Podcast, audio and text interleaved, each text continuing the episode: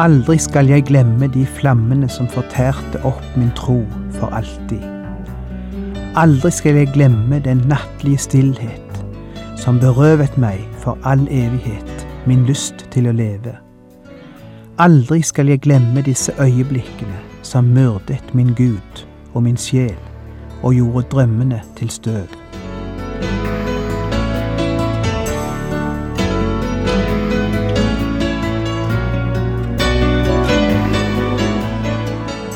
Hjertelig velkommen til et nytt program i serien Vindu mot livet. Vindu mot livet er basert på programserien Insight for Living ved Chuck Svindal. Programmet er produsert av Kristen Riksradio og blir ledet av Ola Bjoland.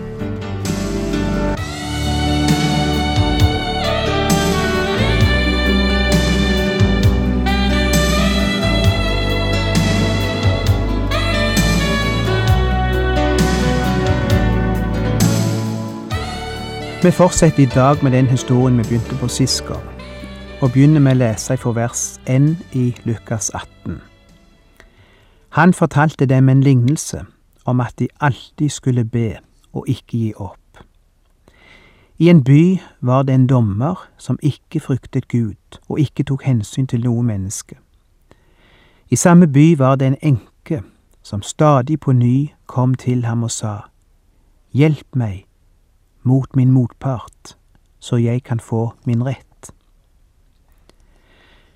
Vi vet ikke hva slags urett denne kvinna har møtt, men det er iallfall et eller annet menneske som plager henne. En motpart, står der. Kanskje de har vært i rettssak tidligere, og motparten fortsetter med å plage henne, eller utnytte henne. Jeg vet ikke om du har opplevd å være offer for eksempel telefonterror eller mennesker som er etter deg på andre måter.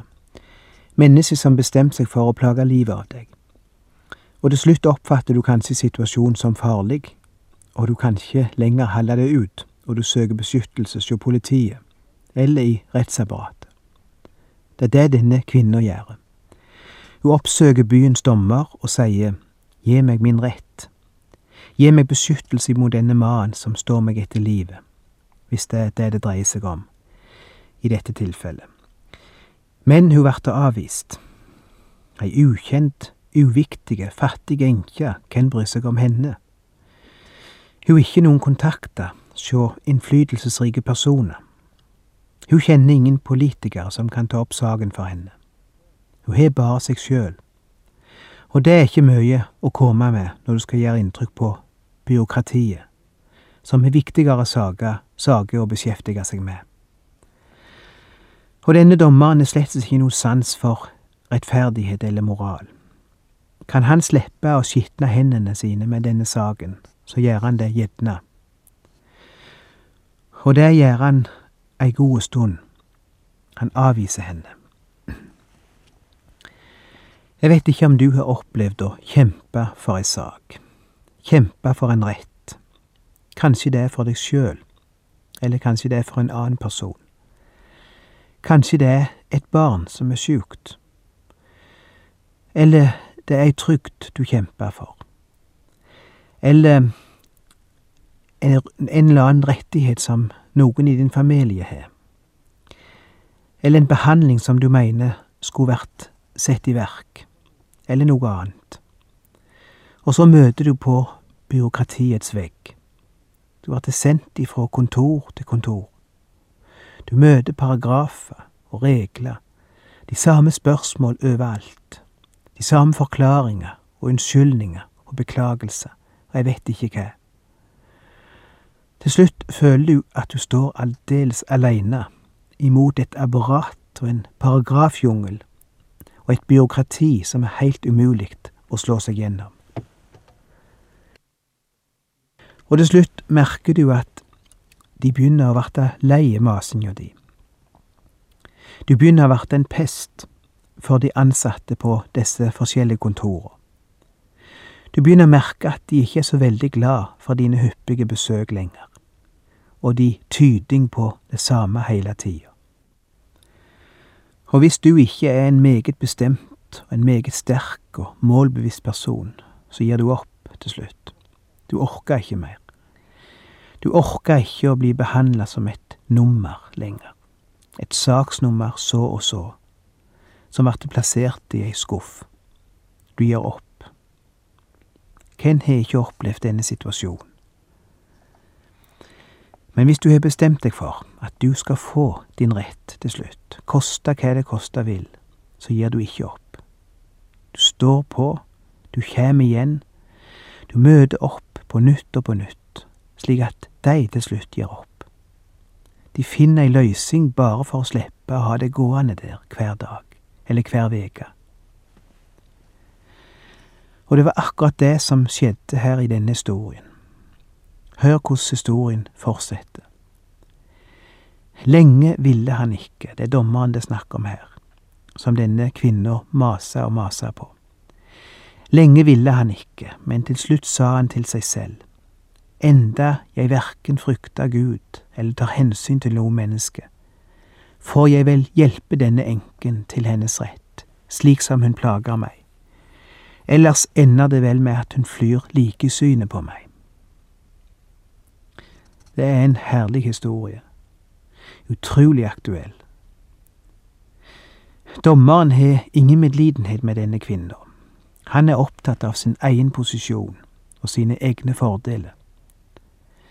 Men til slutt ble denne dama så plagsom at han etterkjem hennes ønske bare for å bli kvitt henne. Han setter ikke pris på disse stadige, hyppige besøkene på hans kontor. Han setter ikke pris på at det banker på døra hans midt på natta.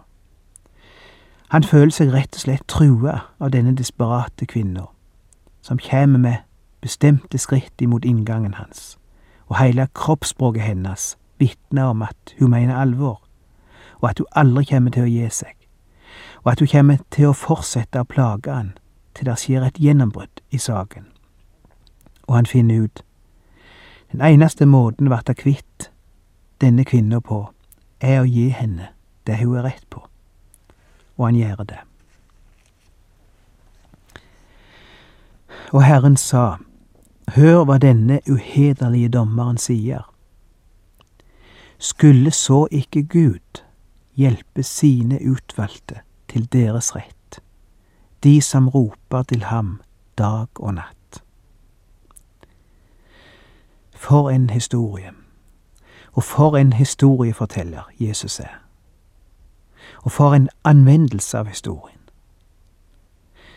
Du leser dette, og du ser det for deg, og du ser det igjen med minnet om denne saken, med minner om denne svake, men utholdende enkja, og denne korrupte dommeren. Og som ut av det blå sier Jesus, glem denne korrupte og urettferdige dommeren, og tenk på den dommeren som er rettferdig. Den allmektige Gud som har kontroll over himmel og jord, og tenk på hans barn som kjenner sine rettigheter, de rettighetene han sjøl har gitt dem, og som påberoper seg disse rettighetene. Hvis en urettferdig og skruppelløs dommer kunne gi ei fattig enke hennes rett på grunn av at hun fortsetter å mase, hvor mye mer skal ikke Gud, som er rettferdig og som elsker deg, gi deg din rett når du ber han om det? Og dermed er vi inne på bønn. Campbell Morgan sier om bønn. Bønn er mye mer enn å si noen ord. Jeg kan be endog når jeg ikke er klar over at jeg ber. Vi kan be uten ord. Bønn er den nød og det behov som roper opp til Gud, med eller uten ord, og Gud hører ropet. Og vi som så ofte har tenkt at vi må finne på fine og passende ord, og si de på den rette måten, og helst med den rette tonen, og med den rette inderlighet, og med det rette teologiske innhold, for at det skulle kunne være ei bønn som gjorde inntrykk på Gud. Akkurat som Gud skulle sigge i himmelen med en måler og vurdere bønnene. Nei, dessverre, den er ikke god nok. Beklager, det er ikke bønn. Ja, den er gode. Har du studert teologi? Og den der borte, nei, du må nok heim og øve deg litt mer. Nei, det er ikke slik det foregår. Bønn er et nødrop, og ordet teller minst av alt. Det kan være så enkelt som Hjelp meg, Gud, og han forstår. Romerbrevet taler om sukk som ikke kan uttrykkes i ord. Og der finnes det ikke ett menneske som har vært på djupt vann i livet, som ikke forstår hva det betyr. Av og til leser Gud vår bønn i våre tårer, i vår smerte, i våre usynlige skrik inni oss. Og du som har vært der, vet hva jeg snakker om nå. Men så kan det hende du har begynt å verte utålmodig, og kanskje begynne å merke snev av skuffelse og bitterhet etter å ha bedt, men ikke sett noe til svaret. Du har kanskje begynt å tenke han er ikke der, eller han bryr seg ikke. Og dermed er vi tilbake til det vi snakket om i sist program, om når vi opplever urettferdighet i livet. Og jeg nevnte flere områder der vi opplever urettferdighet. Og det kan være en ektefelle som sitter igjen alene etter at den andre parten plutselig fant seg ei annen, og yngre. Og han spaserte ut av heimen. Og du sitter alene kun med minnene. Eller du sitter såra etter å ha blitt utnytta av åndelige ledere, eller menigheter som du stolte på og hadde tillit til. Og så ble du brent, og du er forferdelig skuffa eller du er offer for en kriminell handling, eller for et overgrep, og du observerer med vantro at den skyldige blir satt fri fordi han har penger nok til å engasjere de beste advokater, og fordi disse advokatene klarer å finne fram til noen finurligheter i loven, eller i omstendighetene, som gjør at det reises tvil om skyldspørsmålet, eller reises tvil om din pålitelighet. Det må være den verste form for urettferdighet en kan oppleve. Det å ikke bli trudd i retten. Når du er den som er blitt utnytta eller mishandla. Og da er det en spørre, hvor er Gud i dette? Og hvordan skal jeg komme gjennom mørket, med forstanden og trua i behold? Da er det at jeg føler at denne nydelige historien kommer meg til hjelp. Ikke, for den, ikke fordi den gir svar på alle spørsmål, for det gjør han ikke. Men jeg identifiserer meg med han, og med den kvinna som blir beskrevet i fortellingen. Og hva gjør jeg da, når jeg er så fortvila som henne? Jeg roper til han dag og natt, som det står i vers sju. Jeg plager han, jeg forstyrrer han, jeg oppsøker han på nytt og på nytt. Jeg gir han ikke fred. Jeg gjentar og gjentar, gi meg min rett.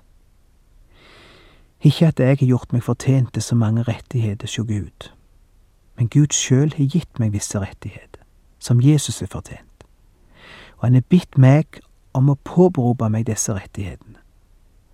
Og en av disse rettighetene er at jeg skal få komme fram for Han med alle ting, legge alt over i Hans hender, at jeg skal få be og at jeg skal få det jeg ber om. Og får jeg det ikke, så ber jeg på nytt. Og får jeg det ikke da heller, så ber jeg enda en gang. Jeg ber om svar. Jeg ber om at han må gjøre noe. Hør hva som står videre. Er han sen til å hjelpe dem? Jeg sier til dere, han skal sørge for at de får sin rett, og det snart. Jeg syns jeg kan høre noen av dere grynte litt nå. Jeg syns jeg ser noen rekke opp hånda for å si noe. Vent litt, pastor.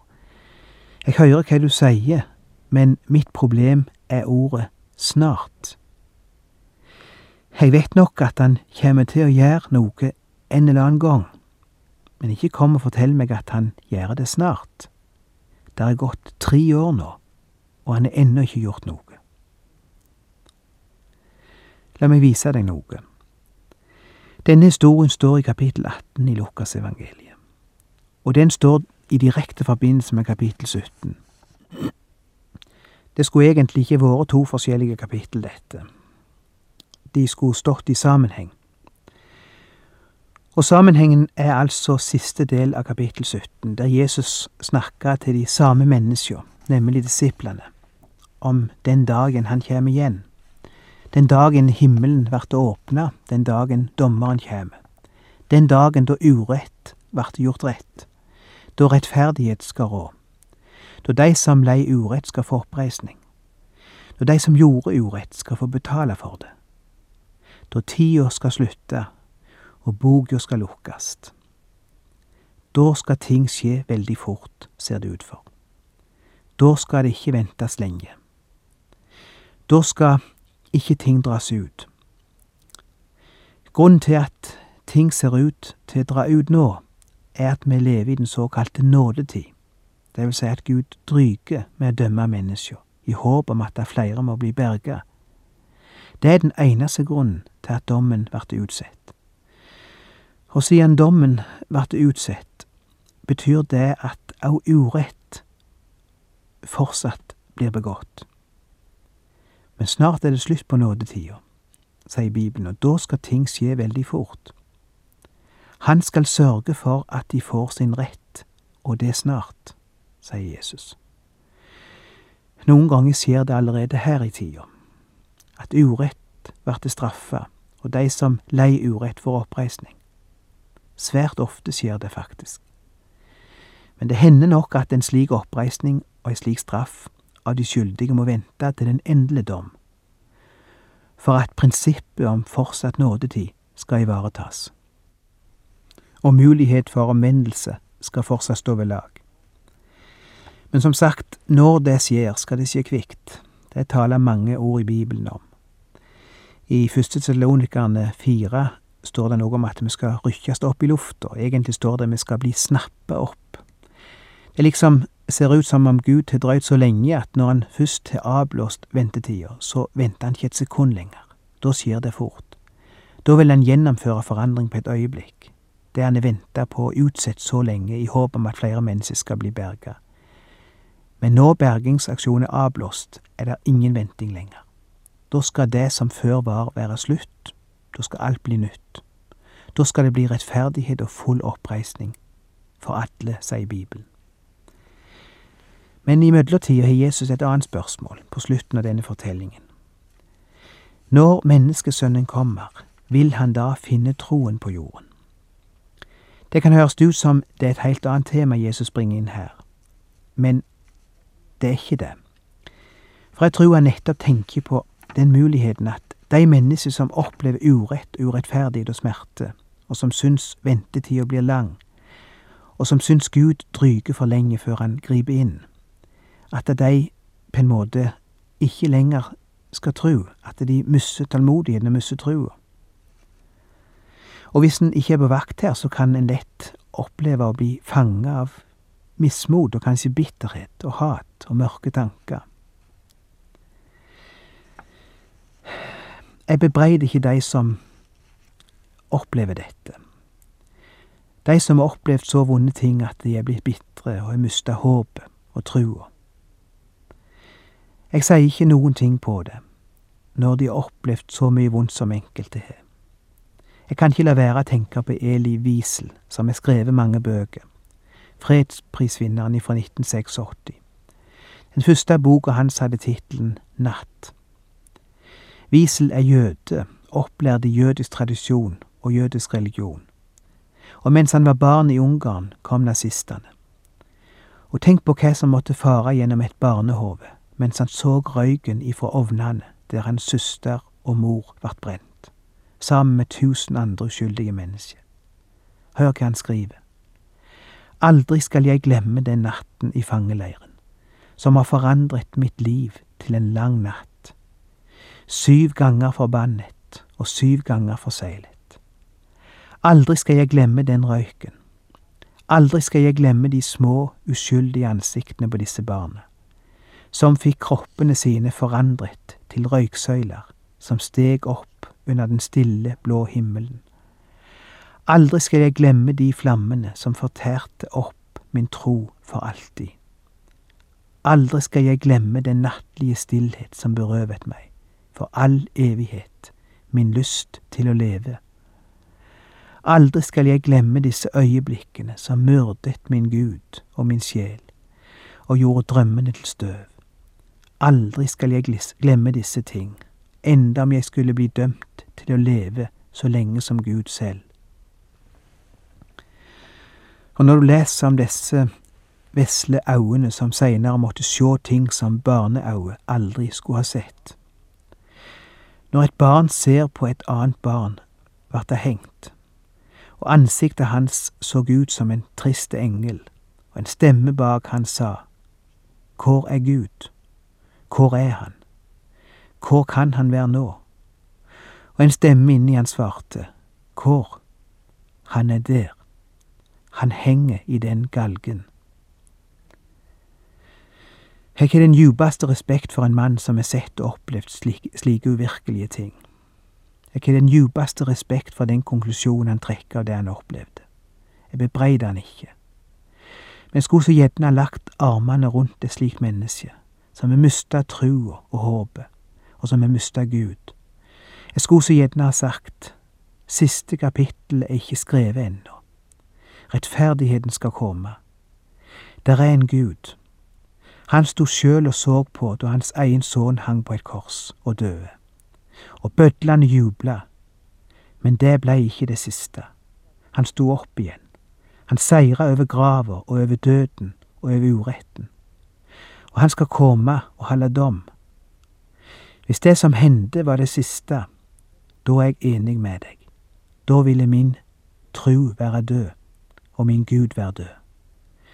Da vil det ikke være rettferdighet i tilværelsen, og jeg ville vært et bittert og sjukt menneske. Men siste kapittel er ikke skrevet, og det er at alt skal opprettes igjen. Og da skal alt sjå annerledes ut.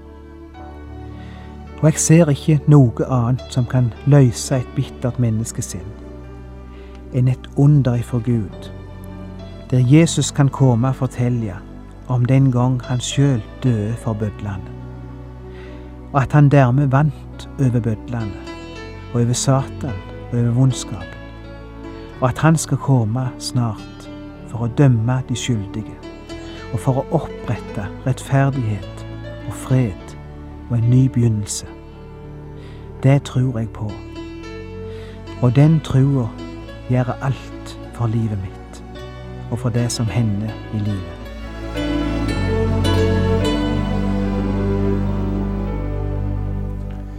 Du har lytta til Ola Bjoland i serien 'Bindu mot livet' fra Kristen Riksradios arkiv. Ola Bjoland var ansatt i Kristen Riksradio til han døde i 2002.